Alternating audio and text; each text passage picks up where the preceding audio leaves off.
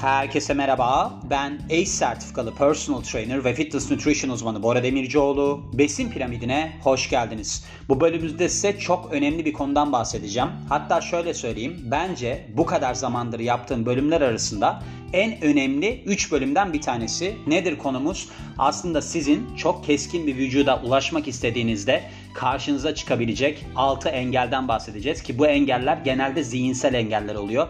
Neden? Çünkü insanların morali bozuluyor filan. Bununla beraber şöyle bir şey de söyleyeyim. Şimdi ben dün paylaştım Besin Piramidi'nin Instagram sayfasında. Bahsettiğim konu şuydu paylaşımda. Şimdi ben Zoom üzerinden bir danışmanlık hizmeti başlattım. Yani danışmanlık hizmeti derken şöyle sohbet şeklinde. Şimdi sizin mesela bana attığınız yüzlerce mesaj var ya o yüzlerce mesajda ne oluyor? Diyorsunuz ki işte podcast bölümlerini dinliyorum ama çok kafam karışıyor. İşte ben ne yapacağımı tam olarak anlayamıyorum. Şöyle şöyle şeyler başıma geliyor. İşte daha detaylı bilgi almak istiyorum filan. O zaman ne diyorsunuz bana? Danışmanlık ya da online spor spor yapıyor musunuz? O hizmeti veriyor musunuz? Ben de diyorum ki onu ben yapıyorum ama yurt dışından yapıyorum ve çok pahalı oluyor.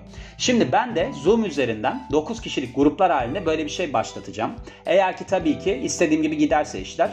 Onda eğer ki yer alırsanız haftada bir gün onunla alakalı konuşacağız. Mesela siz diyelim ki spor yapıyorsunuz, kalori ayarlamalarınız nasıl olmalı onu. Bir podcast bölümünü diyeceksiniz ki mesela önceki hafta ya bu podcast bölümünü biraz daha detaylı olarak soru cevap şeklinde gidelim onu. Onun gibi pek çok şeyi yapacağız. Yani eğer ki böyle sorularınız varsa ona katılın. Bana tek tek mesaj atmayın çünkü zaten cevaplamam. Bir de neden bedava olsun yani bir şey değil mi? Bedava olarak podcast yapıyorum zaten. O yüzden uygun fiyatlı olarak öyle bir şey başlattım. Bence katılın yani eğer ki sorularınız falan varsa diyorum ve konumuza geçiyoruz. Şimdi şöyle biliyorsunuz burada anlattığı şey onu da söyleyeyim keskin bir vücuda sahip olmak. Yani siz ağırlık kaldıran birisiniz ve inanılmaz detaylı bir vücudunuz olsun istiyorsunuz ki bana gelen genelde böyle bir talepler bu doğrultuda oluyor. Hani ben şöyle nasıl olurum, böyle nasıl olurum. Özellikle geçen sene benim acayip keskin bir vücudum vardı.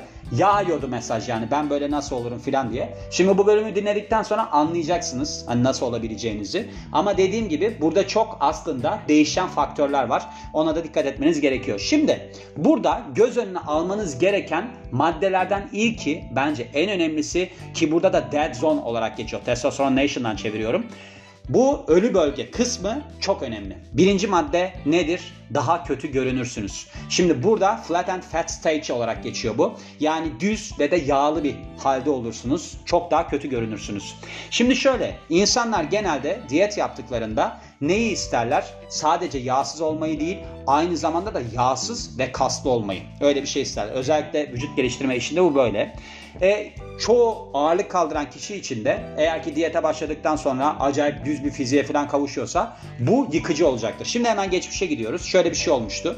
Ben bir aralar ki bundan yaklaşık 15-16 sene önce diyet yapıyorum deli gibi. Diyet yapıyorum, boksa gidiyorum, acayip kalori veriyorum kendimce. İşte yağlarımdan kurtuluyorum falan diye düşünüyorum. Ama oturuyorum böyle bir çuval gibi derim. İğrenç. Hatta bir yere gitmiştim böyle bir arkadaş toplantısı gibi bir şeye. Orada bir çocuk demişti ki pizza söyleyelim. Ben dedim ki yok ben diyetteyim pizza yiyemem ben filan. Bu böyle vardır ya öyle tipler. Karnıma yapıştı. Bu mu dedi senin diyetin dedi hani. Öyle bir yağlarımı filan tuttu yani kendince derimi tuttu. Ben de acayip moralim bozulmuştu. Demiştim ki hakikaten ben ne yapıyorum filan diye. İşte bu kısım o kısım. Yani sizin deriniz böyle sarkar gibi olur, su tutarsınız, abuk sabuk bir fiziğiniz olur. Çünkü neden? Bir kere kaslarınız düzleşiyor. Çünkü siz aslında glikojen depolarınızı boşaltmaya başlıyorsunuz. O zaman ne oluyor? Kassal şişkinliğiniz düşüyor. Su atıyorsunuz bilmem ne oluyor. Şimdi burada olabilecek 3 tane negatif durum var.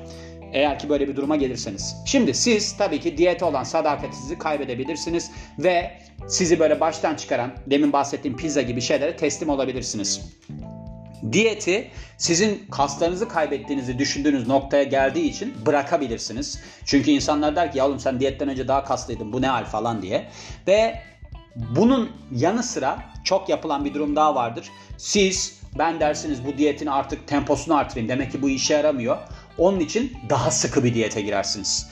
Yani böyle daha fazla kardiyo yaparsınız bilmem ne yaparsınız filan. Ancak şu var eğer ki siz diyelim ki %8 vücut yağında filan değilseniz kas kaybı falan yaşamazsınız. Eğer ki doğru şekilde gidiyorsanız işte proteininizi doğru alıyorsanız kaloriniz falan doğruysa O nokta nerede başlıyor işte sizin bu umudunuzu kaybettiğiniz nokta. Siz kaslarınızın aslında içindeki suları atmaya başlıyorsunuz. Glikojen depolarınız boşalıyor.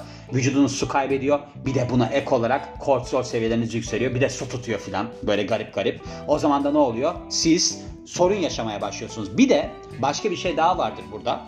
Sodyum alımınız düşer.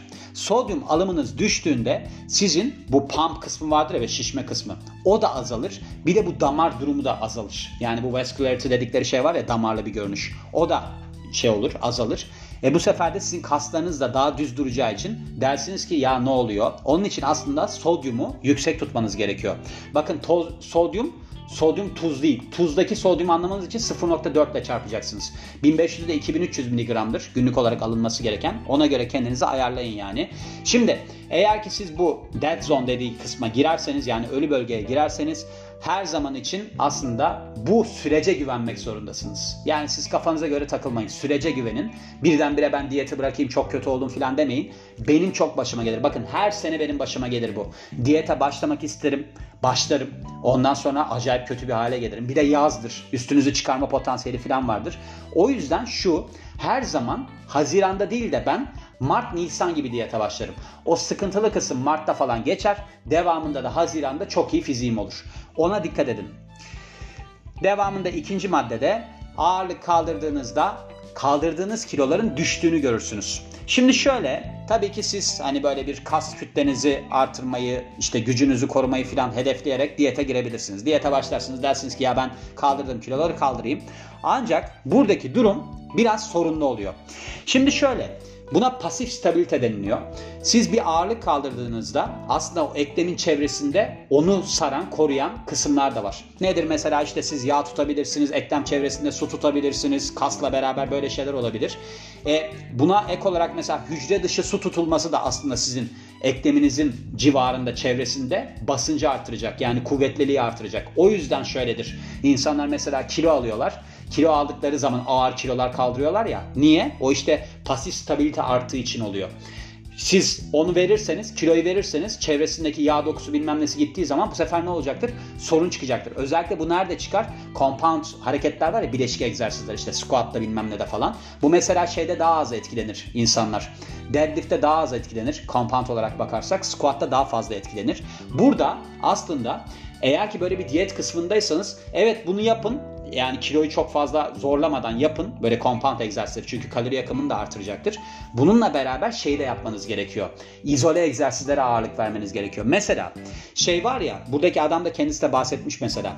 Ben diyor eğer ki diyet yaparsam military press hareketi var ya hani shoulder military press ayakta barla omuz çalışması. Onun yerine makinede yapıyorum diyor. Çünkü neden? Aslında sizin o zaman eğer ki ağırlığı serbest çalışırsanız stabilizasyonunuz zorlanıyor. Ama makinede çalışırsanız öyle bir sorununuz olmuyor. O yüzden daha çok izole egzersizlere ağırlık verin. Bir de burada güzel bir şeyden bahsetmiş. Demiş ki bu tarz durumlarda daha çok omuz bölgesi etkilenir. Şimdi omuz bölgesinin etkilenmesinin temel sebeplerinden bir tanesi şu. Omuzdaki yağ hücreleri, yağ dokusu diyelim kahverengi. Yani kahverengi derken demirden fazla, demirden yoğun. O zaman ne oluyor? Sizin onu yakmanız daha kolaylaşıyor. Yani diyet yaptığınız zaman boynunuz, yüzünüz, omzunuz, omzunuz incelir ya. Sebebi o. Çünkü diğerlerinde beyaz yağ dokusu var. Orada kahverengi ya da bej diyelim yani. Çabuk yanabiliyor. E o zaman yandığı zaman stabilizasyon bozulmaya başlıyor. O yüzden ona dikkat etmeniz gerekiyor. Bence bu da önemli bir kısımdır bu arada. Yani o pasif stabilite dediği kısma kesinlikle dikkat edin. Çünkü insanlar mesela çok yağsız olup acayip kilolar kaldırıyorlar. Ronnie Coleman örneği gibi. Ondan sonra ne oluyor? Sakatlıklar gelişiyor. Çünkü orada aslında destekleyici, eklemi destekleyici kısımları da eliyorsunuz siz. Yağ dokusu da olabilir bu, fazla su da olabilir, ödemde her şey olabilir yani. O yüzden buna dikkat etmeniz gerekiyor.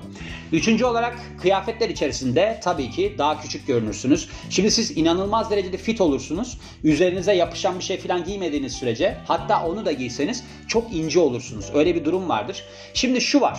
Burada şeyden örnek vermiş. Bir tane televizyon dizisi varmış. Kingdom isminde. Bu da MMA dövüşçülerinin dramasıymış. Yani onları anlatan bir şeymiş. Burada Jay Kulina isminde bir dövüşçü oynayan Jonathan Tucker isimli bir aktör varmış. Mesela üstünü çıkardığı zaman inanılmaz derecede keskin vücudu olmasına rağmen Eğer ki böyle bir şey giyerse üstüne çok zayıf görünüyor diyor. Doğrudur bu. Mesela şey de vardır. Hani ben size diyorum ya Mart'ta Nisan'da falan diyete girmek daha doğru olur diye. Ben öyle girdiğim zaman diyete insanlar hep diyorlar ki bana o zaman tabii kıyafetler falan da kalın oluyor üstüne giydiğin yani Mart ayında tişörtle dolaşacak halin yok. O zaman ne oluyor? İnsanlar diyor ki ya sen çok zayıfladın, böyle bir garip oldun, çok küçüldün falan. O zaman Haziran'da üstünüzü çıkardığın zaman diyorlar ki vay be ne biçim bir fiziği var. Şimdi burada bir de şey de çok önemli onu da söylemem gerekiyor. Proporsiyonunuz çok önemli. Yani eğer ki kafanızın oranı omzunuza göre büyük falansa acayip böyle bir zayıflarsanız kocaman bir kafanız kalır. Normalde bu doğal vücutçuların zaten öyle bir durumu vardır. Adam yarışmaya çıkar acayip kocaman bir kafası kalır. İncelir vücut. Ona da dikkat edin yani. Mesela Brad Pitt yine o örneği vereceğim. Brad Pitt dövüş kulübünde inanılmaz yağsız ama adam Brad Pitt. Yani Brad Pitt olduğu zaman ne oluyor? Adamın zaten çok yakışıklı birisi olduğu için vücudu sırıtmıyor. Çok güzel duruyor. Yani eğer ki öyle bir durumunuz yoksa kafa oranı falan mesela Tom Ford diye bir tane şey var ya modacı var ya o mankenlerin hep küçük kafalı seçermiş. Çünkü onlar podyumdayken vücutlarına oran olarak çok iyi duruyorlar. Adam ince görünüyor ama kıyafet de çok iyi taşıyor. O yüzden ona dikkat etmeniz gerekiyor. Dördüncü olarak besin alımınızı ayarlamanız gerekiyor. Şimdi şöyle burada çok önemli bir kısımdan bahsediyor. Aslında sizin haftalık olarak ayarlama yapmanız gerektiğinden bahsediyor. Siz diyelim ki diyete giriyorsunuz. Diyorsunuz ki ben diyorsunuz işte şöyle böyle kilo vereceğim falan ve 2000 kalorilik bir diyet takip edeceğim. Şimdi 2000 kalorilik diyet takip ediyorsunuz ama devamında burada başka durumlar ortaya çıkıyor. Ne gibi? Şimdi burada sizin aldığınız az kalorinin bir noktadan sonra tıkanma durumu var. Bunlardan bir tanesi burada iki maddeden bahsetmiş bir tane daha var aslında. Şimdi siz kilo kaybettikçe tabii ki vücudunuza yani yağ kaybettikçe vücudunuzda uyguladığınız baskı da değişiyor. Ne oluyor? Siz yürüdüğünüz kısımda mesela atıyorum 10 kilo fazlayken mi daha fazla kalori yakarsınız? 10 kilo azken mi? Doğal olarak 10 kilo azken. İkinci olarak burada bir metabolik adaptasyon gelişiyor. Ne oluyor yani? Siz vücudunuza sürekli aynı besinleri veriyorsunuz, aynı kaloriyi veriyorsunuz. Bir noktadan sonra da ne oluyor? Vücut buna alışıyor. Tamam diyor. Metabolizmanızı buraya çekeyim diyor. Bu da sorundur. Şimdi ben eklemeler yapayım. Burada yağ kaybettiğinizde aslında siz birdenbire yağ kaybederseniz bu sefer leptin var ya leptin de metabolizmayı hızlandırıyor. Yağ dokusundan salgılanıyor. Metabolizma ayarlayan leptin düşmeye başlıyor. O zaman ne oluyor? Leptin düştüğü zaman eğer ki siz bir de diyete sadık kalmaz, geri dönerseniz bu sefer daha fazla yağlanırsınız. Çünkü orada bir aslında vücuda şöyle sinyal veriyor leptin hormonu. Diyor ki bu yağını kaybetti, adaya mı düştü, nereye düştü bilmiyorum ben eğer ki yemek yemeye başlarsam daha fazla yağlandır beni. Yani bir de öyle bir durumu vardır. Onun için de ona dikkat etmeniz gerekiyor. Bir de mesela diyelim ki siz diyete giriyorsunuz. Çok kafa karışan bir kısım bu çünkü ikinci kısmı. Hani siz metabolizmanızı adapte ediyorsunuz ya duruma. Şimdi eğer ki siz böyle bir şey yaşarsanız siz metabolizmanızı diyelim ki bir şeye adapte ettiniz ve çıkamıyorsunuz. Sürekli kalori düşürmeniz gerekir o zaman. Oruç tutmak çok işe yarıyor orada. Çünkü orada büyüme hormonu seviyeleri falan da uçuyor. Özellikle 16 saatlik oruç tutarsanız 18 saate falan getirirseniz onu o zaman da çok işinize yarayacaktır. Onu da aklınızdan çıkarmayın. Tabii ki bunu nasıl sayabilirsiniz? Mesela böyle bir işte ben Fat Secret kullanıyorum. Siz ne kadar kalori aldığınızı nereden bileceksiniz? Fat Secret'ta ben her şeyi tartıp onu giriyorum. Bakın bu kadar keskin olmak istiyorsanız yani ona super B deniliyor böyle aşırı derecede yani. O zaman sizin her şeyi saymanız gerekiyor. Başka türlü olmaz yani. O yüzden buna dikkat edin. Beşinci olarak demiş ki ilk haftada olanlara çok da takılmayın. Şimdi diyete başladınız diyelim ki ilk hafta. İlk hafta acayip kilo verebilirsiniz. Bakın bunu unutmayın hiçbir zaman. Deli gibi kilo verebilirsiniz. İşte 3-4 kilo verebilirsiniz. Daha fazla bile verebilirsiniz. Neden? Çünkü aslında orada aldığınız besin de azalıyor ya. Bunun sonucunda ne oluyor? Siz aslında bağırsaklarınızda da daha az yük taşıyorsunuz su da atıyorsunuz. İşte glikojen depolarınız boşalıyor falan. Oradan devam etmeyin yani. Hani ben burada bu kadar kilo verdim. Devamında bu kadar veremedim kısmı değil. Ondan sonraki haftaya dikkat edin. Deyin ki ya bir dakika ben bunu verdim. Devamında neler oluyor? Ona bakmanız lazım. Eğer ki siz ilk haftaya takılıp kalırsanız ben ilk haftada bu kadar vermiştim, şu kadar vermiştim, veremiyorum şimdi filan gibi o zaman sorun yaşayacaksınızdır. Altıncı olarak ve bence en güzeli şöyle. İnsanlar genelde kendilerini olduklarından daha yağsız görürler. Çok ilginç bir kafadır bu. Neden biliyor musunuz? Çünkü Instagram'da filan şöyle şeyler de oluşuyor. İşte %10 vücut yağında insan nasıl görünür? %10 vücut yağında işte üst vücudunuzda, üst karnınızda biraz işte detaylanma görürsünüz öbüründe olmaz. Size bir şey diyeyim mi? Ben karnımda tamamen damarlar vardı. Tamamen. Hiçbir yerimde yağ yok gibiydi ve ölçüldüğüm zaman %10 çıkmıştım. O Tanita tartı var ya %10 çıkmış inanamamıştım. Dedim ki nasıl oluyor ya %10? %10 değildir bu yanlış herhalde filan. Bakın %14, %17 zaten fitness vücudu. Şimdi ona baktığınızda işte %6-8 filan sporcu vücudu, atlet vücudu hani yağ oranı olarak bakarsak işte 4'ün altı ölümcül falan filan. Şimdi siz kendinizi kalkıyorsunuz mesela vücut yağınız %20 iken diyorsunuz ki benim vücut yağım %15 e ben bundan kurtulmak için işte 10 kilo versem bu noktaya gelirim ya da 5 kilo versem bu noktaya gelirim. Veriyorsunuz olmuyor. Yani o gördüğünüz işte Instagram'da filan kısma gelemiyorsunuz. Şimdi burada birinci hata olarak demiş ki siz demiş vücut yağınızı çok hafife alıyorsunuz. Çok acayip bir noktaya gelebiliyorsunuz bunun sonucunda. İkinci kısmı çok önemli. Siz işte diyelim ki siz yağınızı kaybediyorsunuz. Şu kadar kilo versem yağımı kaybederim diyorsunuz ya. Onunla beraber bir sürü şey de kaybediyorsunuz. Mesela işte iç yağınızı kaybediyorsunuz. Kaslar arasındaki yağınızı kaybediyorsunuz. Su kaybediyorsunuz. Bir sürü şey kaybediyorsunuz. O zaman ne oluyor? Siz diyelim ki 10 kilo vereceğim diyorsunuz. Bir bakıyorsunuz 15 kilo veriyorsunuz. İstediğiniz noktaya gelir ama vermeniz gereken kilo 15 olur o zaman. O zaman da ne olur? Süre uzayacaktır.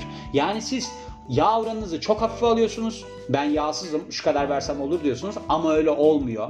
Özellikle dediğim bu dead zone bölümü var ya hani ilk birinci maddede bahsettiğim. O kısımda çok sorun yaşamaya başlıyorsunuz. Çünkü öncelikle mesela organ yağlarınız gidiyor, vücudunuz bir gevşemeye başlıyor. Sonra yağlarınız gevşiyor, iyice glikojen depoları boşalıyor. İşte kortizol seviyeleri artıyor bilmem ne falan. Bu aşağı yukarı böyle bir, bir buçuk iki ay sürüyor. Bakın ben size söyleyeyim. Yani o ilk aşama o kadar sürüyor. Çünkü siz devam edemiyorsunuz. Bir de zihinsel şöyle bir zorluk oluyor. Siz diyelim ki birdenbire çok yemek yerken hiç yemek yememeye başlıyorsunuz. E zaten diyorsunuz ki bir dakika ya orada serotonin salgılanması falan da düşüyor. Mutluluk hormonu seviyeleri düşüyor. Çünkü triptofan bir amino asit ve triptofan aslında karbonhidrat aldığınız zaman beyne geçebiliyor. Yani onu geçirebilmek için mesela karbonhidrat almanız gerekiyor. E, insanların ilk yaklaşımı ne oluyor? Karbonhidratı düşürmek oluyor serotonin seviyeleri düşüyor. Uykusuzluk başlıyor. Vücudunuz kötüye gidiyor. E bunlar zaten birinci aşama tam anlamıyla bir zihinsel zorluk haline geliyor. O yüzden onu aşabilmeniz için istikrarlı olmanız gerekiyor. Ona devam edebilmeniz için. Ondan sonra işte siz hedeflerinize hafif hafif ulaştığınızda ki benim söylediğim şey aslında başlangıçta %14, %17 yani fit seviyede yağ oran kişiler için geçerli. Adam bir de başlıyor %25'te falan. İnsanlar diyor ki ya senin işte şu kadar kilo verirsen olur. Süre çıkıyor 6 aya. 3. aydan sonra diyor ki ya benimki gitmiyor olmuyor istediğim gibi bırakıyor. Yani kendinizi çok böyle yağ oranı olarak hafife almayın. Her zaman için dediğim gibi baktığınızda eğer ki elinize geliyorsa böyle zar gibi gelmiyorsa anlayın ki %10'un kesinlikle üstündesinizdir yani. %17, %18, %20 oturduğunuzda kat kat göbeğiniz varsa hele oho onun için Bunlara dikkat etmeniz gerekiyor. Eğer ki bu zihinsel zorlukları aşarsanız o zaman sonuç almaya başlayacaksınız. Başka türlü sürekli savrulur durursunuz. Yo-yo dieting dedikleri şey var ya ne oluyor orada? Sürekli işte bir diyete giriyor, bir diyetten çıkıyor. Ondan sonra daha kötüye gidiyor işler. Demin bahsettiğim gibi bu işte leptin hormonu salgılanmıyor. Salgılanmadığı zaman metabolizma değişmeye başlıyor. Sürekli olarak kortisol aktif kalıyor. Çünkü siz zihinsel olarak da kendinizi çok zorluyorsunuz. Niye olmuyor filan diyorsunuz. Bunlara dikkat etmeniz çok sonuç almanız açısından işe yarayacaktır diyorum ve bu bölümün de sonuna geliyorum. Beni dinlediğiniz için çok teşekkür ederim. Ben Bora Demircioğlu. Yeni bölümde görüşmek üzere. Hoşçakalın.